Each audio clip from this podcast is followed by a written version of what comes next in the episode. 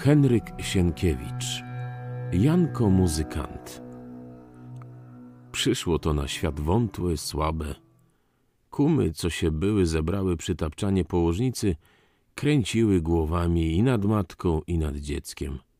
Kowalka Szymonowa, która była najmądrzejsza, poczęła chorą pocieszać. Daj ta, powiada, to zapalę nad wami gromnicę. Już z was nic nie będzie, moja kumo. Już wam na tamten świat się wybierać i po dobrodzieja by posłać, żeby wam grzechy wasze odpuścił. Ba, powiada druga, a chłopaka to zara trza ochrzcić. On i dobrodzieja nie doczeka, a powiada, błogo będzie, co choć i strzygą się nie ostanie.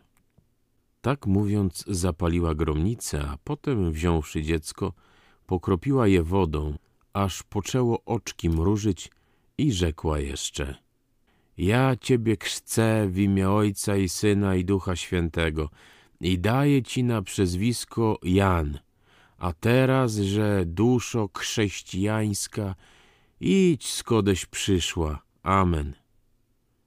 Ale dusza chrześcijańska nie miała wcale ochoty iść, skąd przyszła i opuszczać chuderlawego ciała.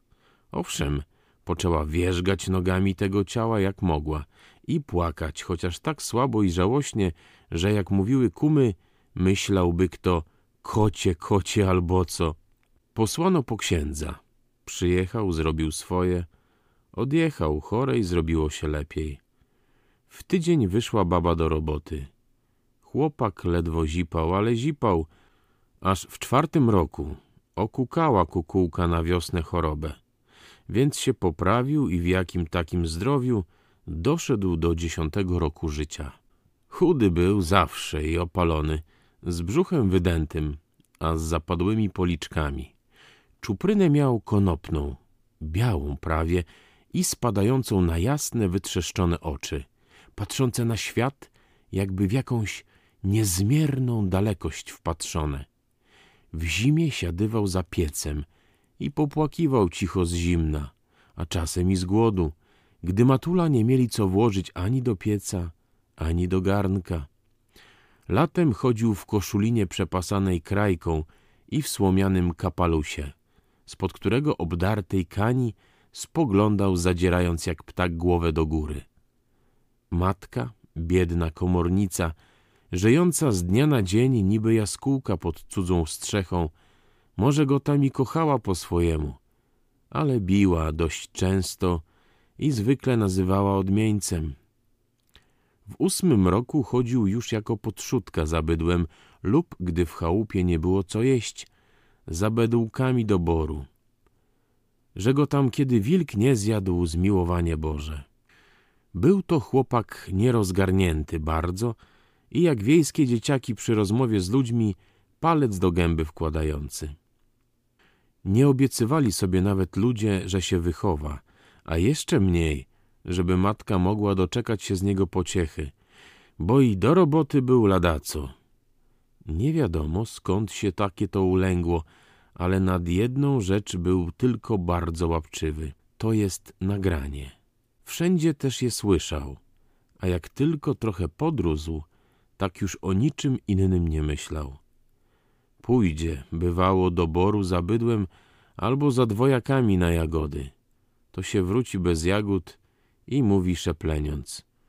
Matulu, tak ci coś w boru grlało. Łoj, łoj. A matka na to. Zagram ci ja, zagram. Nie bój się. Jakoż czasem sprawiała mu ważąchwią muzykę. Chłopak krzyczał, obiecywał, że już nie będzie, a taki myślał, że tam coś w boru grało. Co? Albo on wiedział, sosny, buki, brzezina, wilgi, wszystko grało. Cały bór i basta. Echo też.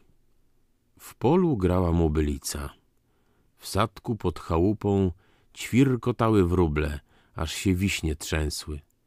Wieczorami słuchiwał wszystkich głosów, jakie są na wsi i pewno myślał sobie, że cała wieś gra. Jak posłali go do roboty, żeby gnój rozrzucał, to mu nawet wiatr grał w widłach. Zobaczył go tak raz karbowy, stojącego z rozrzuconą czupryną i słuchającego wiatru w drewnianych widłach. Zobaczył i odpasawszy rzemyka, dał mu dobrą pamiątkę. Ale na co to się zdało? Nazywali go ludzie Janko Muzykant. Wiosną uciekał z domu kręcić fujarki wedle strugi. Nocami, gdy żaby zaczynały żachotać, derkacze na łąkach derkotać, bąki po rosie burczyć, gdy koguty piały po zapłociach. To on spać nie mógł, tylko słuchał. I Bóg go jeden wie, jakie on i w tym nawet słyszał granie. Do kościoła matka nie mogła go brać, bo jak? Bywało, zahuczą organy lub zaśpiewają słodkim głosem, to dziecku oczy tak mgłą zachodzą, jakby już nie z tego świata patrzyły. Stójka, co chodził nocą po wsi i aby nie zasnąć, liczył gwiazdy na niebie lub rozmawiał po cichu z psami. Widział nieraz białą koszulę Janka, przemykającą się w ciemności ku karczmie. Ale przecież chłopak nie do karczmy chodził, tylko pod karczmę. Tam, przyczaiwszy się pod murem, słuchał. Ludzie tańcowali obertasa. Czasem jaki parobek pokrzykiwał ucha! Słychać było tupanie butów. To znów głosy dziewczyn. Czegóż? Skrzypki śpiewały cicho. Będziem jedli, będziem pili, będziewa się weselili. A basetla grubym głosem wtórowała z powagą. Jak Bóg dał, jak Bóg dał.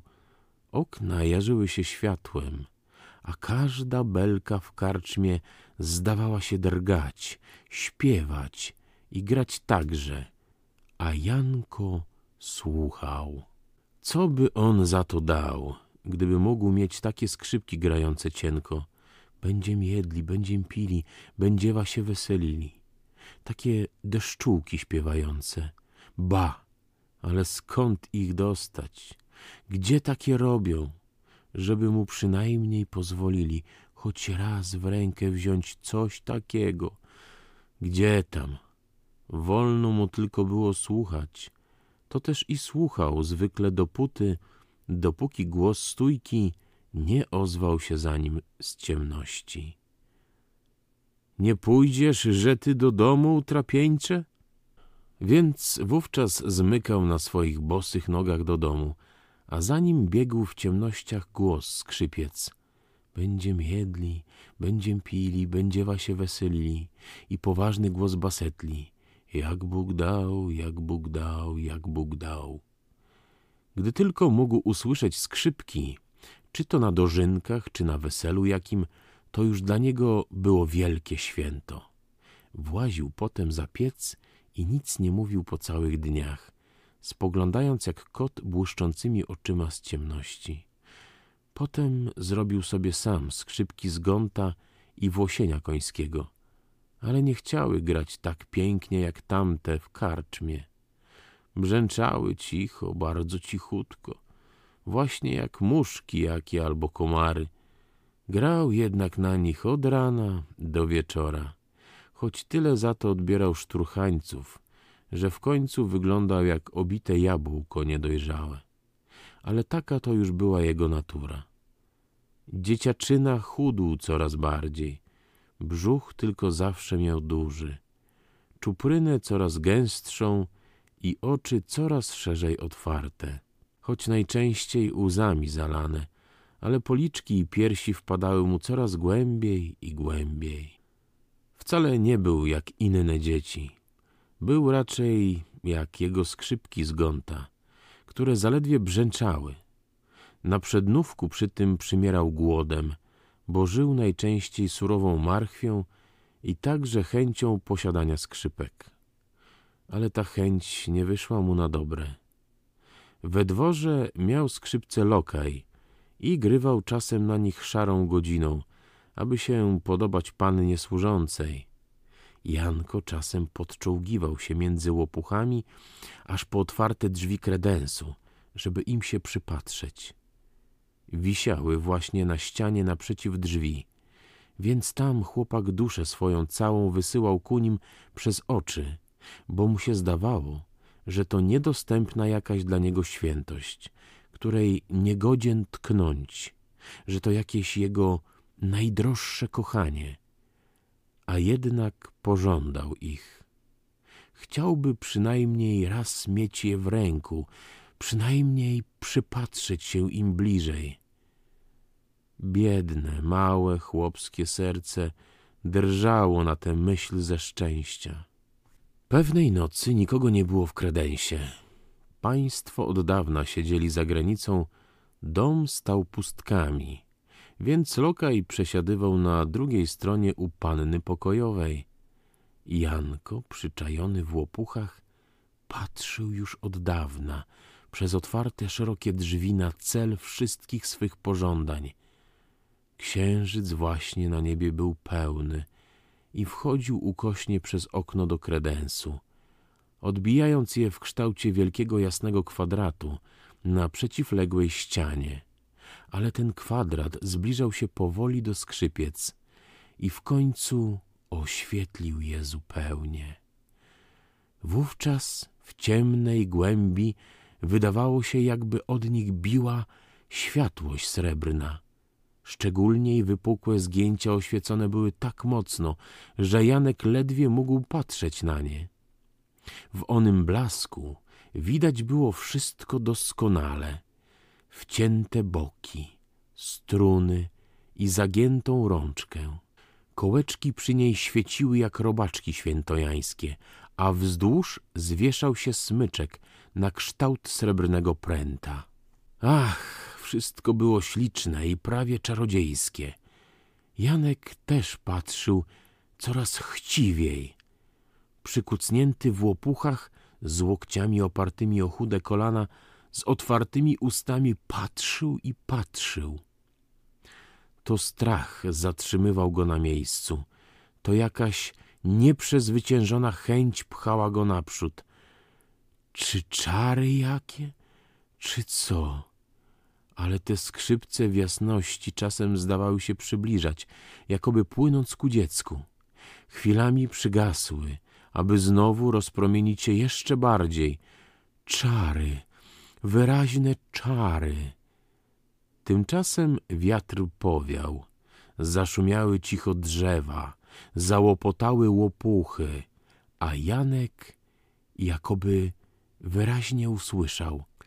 Idź, Janku, w kredensie nie ma nikogo. Idź, Janku. Noc była widna i jasna. W ogrodzie dworskim nad stawem słowik zaczął śpiewać i pogwizdywać cicho. To głośniej. Idź, pójdź, weź. Lelek, poczciwy cichym lotem, zakręcił się koło głowy dziecka i zawołał — Janku, nie, nie. Ale Lelek odleciał, a słowik został i łopuchy coraz wyraźniej mruczały. Tam nie ma nikogo. Skrzypce rozpromieniły się znowu. Biedny, mały, skulony kształt zwolna i ostrożnie posunął się naprzód, a tymczasem słowik cichuteńko pogwizdywał. Idź, pójdź, weź. Biała koszula migotała coraz bliżej drzwi kredensowych. Już nie okrywają jej czarne łopuchy. Na progu kredensowym słychać szybki oddech chorych piersi dziecka. Chwila jeszcze, biała koszulka znikła. Już tylko jedna bosa nóżka wystaje za progiem. Na próżno, lelku, przelatujesz jeszcze raz i wołasz — nie, nie! Janek już w kredensie. Zarzechotały zaraz ogromnie żaby w stawie ogrodowym, jak gdyby przestraszone, ale potem ucichły. Słowik przestał pogwizdywać, łopuchy szemrać. Tymczasem Janek czołgał się cicho i ostrożnie, ale zaraz go strach ogarnął. W łopuchach czuł się jakby u siebie, jak dzikie zwierzątko w zaroślach, a teraz był jak dzikie zwierzątko w pułapce. Ruchy jego stały się nagłe, oddech krótki i świszczący. Przy tym ogarnęła go ciemność. Cicha letnia błyskawica, przeleciawszy między wschodem i zachodem, oświeciła raz jeszcze wnętrze kredensu i Janka na czworakach przed skrzypcami z głową zadartą do góry. Ale błyskawica zgasła. Księżyc przesłoniła chmurka i nic już nie było widać ani słychać. Po chwili dopiero z ciemności wyszedł dźwięk cichutki i płaczliwy, jakby ktoś nieostrożnie strun dotknął. I nagle gruby jakiś, zaspany głos, wychodzący z kąta kredensu, spytał gniewliwie. Kto tam? Janek zataił dech w piersiach, ale gruby głos spytał powtórnie. Kto tam? Zapałka zaczęła migotać po ścianie. Zrobiło się widno, a potem, ech, Boże, słychać klątwy, uderzenia, płacz dziecka, wołanie. O, dla Boga! Szczekanie psów, bieganie świateł po szybach, hałas w całym dworze. Na drugi dzień biedny Janek stał już przed sądem u wójta. Mieliż go tam sądzić jako złodzieja? Pewno. Popatrzyli na niego wójt i ławnicy, jak stał przed nimi z palcem w gębie, z wytrzeszczonymi, zalękłymi oczyma.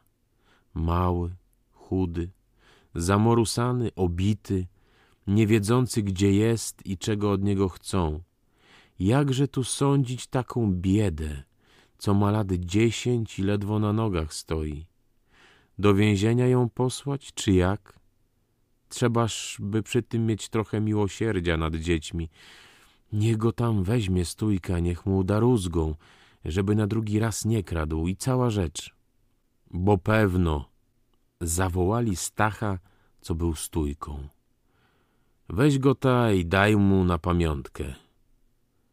Stach kiwnął swoją głupowatą, zwierzęcą głową – Wziął Janka pod pachę, jakby jakiego kociaka, i wyniósł ku stodółce.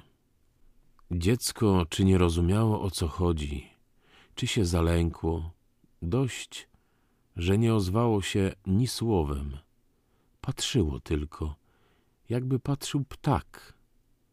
Albo on wie, co z nim zrobią. Dopiero jak go Stach w stodole wziął garścią, rozciągnął na ziemi, podgiąwszy koszulinę, machnął od ucha, dopieroż Janek krzyknął. Matulu! I co go stójka rózgą, to on. Matulu, matulu! Ale coraz ciszej, słabiej, aż za którymś razem ucichło dziecko i nie wołało już matuli biedne, potrzaskane skrzypki. Ej, głupi, zły Stachu, któż tak dzieci bije? Toż to małe i słabe i zawsze było ledwie żywe. Przyszła matka, zabrała chłopaka, ale musiała go zanieść do domu. Na drugi dzień nie wstał Janek, a trzeciego wieczorem konał już sobie spokojnie, na tapczanie, pod zgrzebnym kilimkiem. Jaskółki świergotały w czereśni, co rosła pod przyzbą. Promień słońca wchodził przez szybę i oblewał jasnością złotą, rozczochraną główkę dziecka i twarz, w której nie zostało kropli krwi. Ów promień był niby gościńcem, po którym mała dusza chłopczyka miała odejść. Dobrze, że choć w chwilę śmierci odchodziła szeroką, słoneczną drogą, bo za życia szła po prawdzie ciernistą. Tymczasem wychudłe piersi poruszały się jeszcze oddechem, a twarz dziecka była jakby zasłuchana w te głosy wiejskie które wchodziły przez otwarte okno. Był to wieczór, więc dziewczęta wracające od siana śpiewały. Oj, na zielonej, na runi, a od strugi dochodziło granie fujarek. Janek wsłuchiwał się ostatni raz, jak wieś gra. Na kilimku przy nim leżały jego skrzypki z gonta. Nagle twarz umierającego dziecka rozjaśniła się, a z bielejących warg wyszedł szept. Matulu? Co, synku? Ozwała się matka, którą dusiły łzy. Matulu, Pan Bóg mi da w niebie prawdziwe skrzypki? Da ci, synku, da! Odrzekła matka, ale nie mogła dłużej mówić, bo nagle z jej twardej piersi buchnęła wzbierająca żałość, więc jęknąwszy tylko o Jezu, o Jezu, padła twarzą na skrzynię i zaczęła ryczeć, jakby straciła rozum, albo jak człowiek, co widzi, że od śmierci nie wydrze swego kochania. Jakoż nie wydarła go, bo gdy podniósłszy się znowu spojrzała na dziecko, oczy małego grajka były otwarte wprawdzie, ale nieruchome. Twarz zaś poważna bardzo, mroczna i stężała. Promień słoneczny odszedł także. Pokój ci, Janku. Nazajutrz powrócili państwo do dworu z Włoch wraz z panną i kawalerem, co się o nią starał. Kawaler mówił que beau que Italie. I co to za lud artystów? On essaierait de chercher là-bas des talents et de les protéger, dodała panna. Nad Jankiem szumiały brzosy. Koniec.